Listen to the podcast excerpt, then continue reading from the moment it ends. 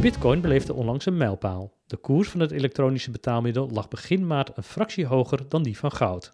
De nieuwe belegger sprak erover met blockchain-specialist Rutger van Zuidam. Maar eerst beantwoorden we de vraag wat bitcoins nu eigenlijk zijn.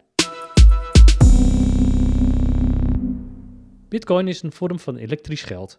Bitcoins kunnen worden opgeslagen op een computer.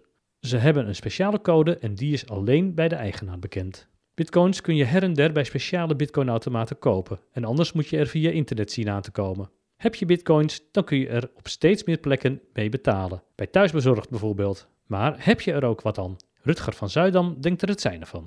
Vanuit consumentenperspectief, als je dan kijkt naar wat heb ik aan, aan bitcoin, nou, dan zijn er heel veel plekken op de wereld waar je gewoon met bitcoin kan betalen.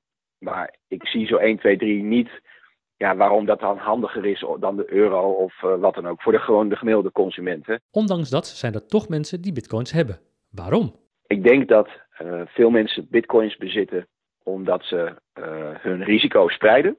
En het is een risicovol product, want hè, die koers die gaat op en neer. Maar ik denk dat, dat een aantal mensen dat gewoon wel leuk vindt. Hè. Sommige mensen die investeren in aandelen, iemand anders kan in vastgoed investeren of wat dan ook ja, dus, dus je kan in allerlei producten beleggen. En zo kun je ook in, in, uh, in bitcoin uh, beleggen. Het aardige van bitcoin is wel dat je die belegging, dat, dat, dat geld of wat je bitcoin ook maar vindt, maar je kan ermee betalen bijvoorbeeld inderdaad bij, bij thuisbezorgd.nl.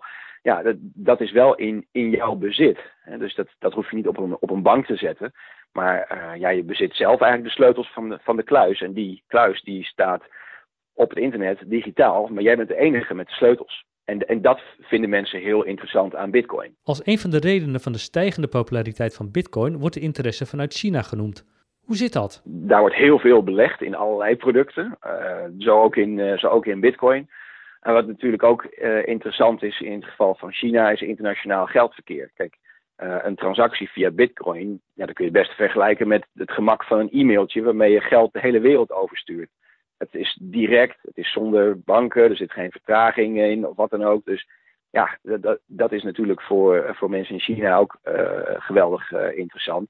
Omdat ze zo veel makkelijker internationaal zaken kunnen doen, maar ook geldverkeer kunnen, kunnen regelen. China is niet de enige reden van de warme belangstelling waarin Bitcoin zich mag verheugen. De populariteit van Bitcoin is, ik denk, tweeledig.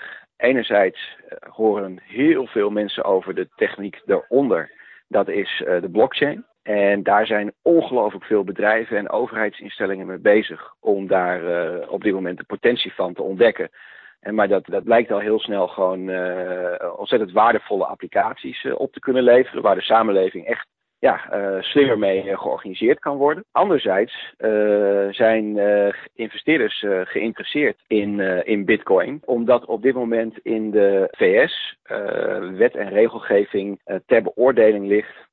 en als dat goedgekeurd wordt, ja, dan, dan kan de beurs investeren in Bitcoin. Er zijn, zijn allerlei investeringsbanken en, en grote financiële instellingen druk mee bezig.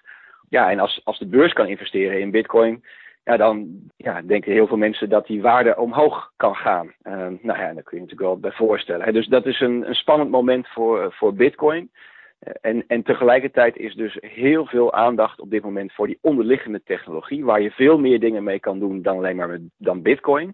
Maar die blockchain technologie, ja, daar, daar lezen uh, nu uh, steeds meer mensen wat over. En uh, omdat die mensen ermee bezig gaan, groeit de aandacht ervoor. De blockchain-technologie helpt Bitcoin ondanks de wildschommelende koers vooruit. Die blockchain gaat voor een ware revolutie zorgen in onze samenleving.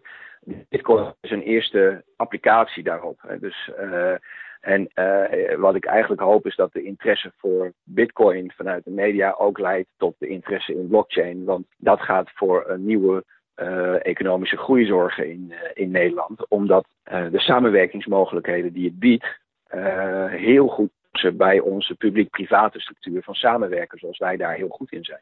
En wat je nu eigenlijk ziet is een enorme momentum in het bedrijfsleven, maar ook in het overheidswezen, dat men aan de slag gaat met die blockchain.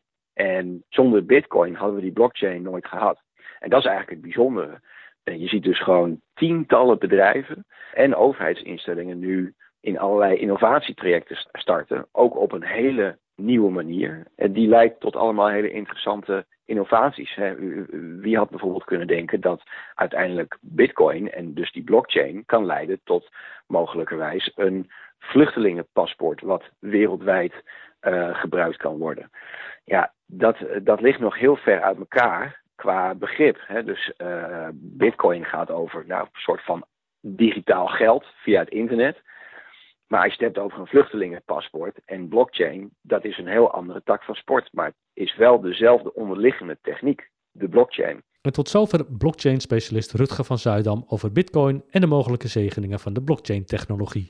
Wil je er meer over weten? Kijk dan bijvoorbeeld op de site bitcoinspot.nl.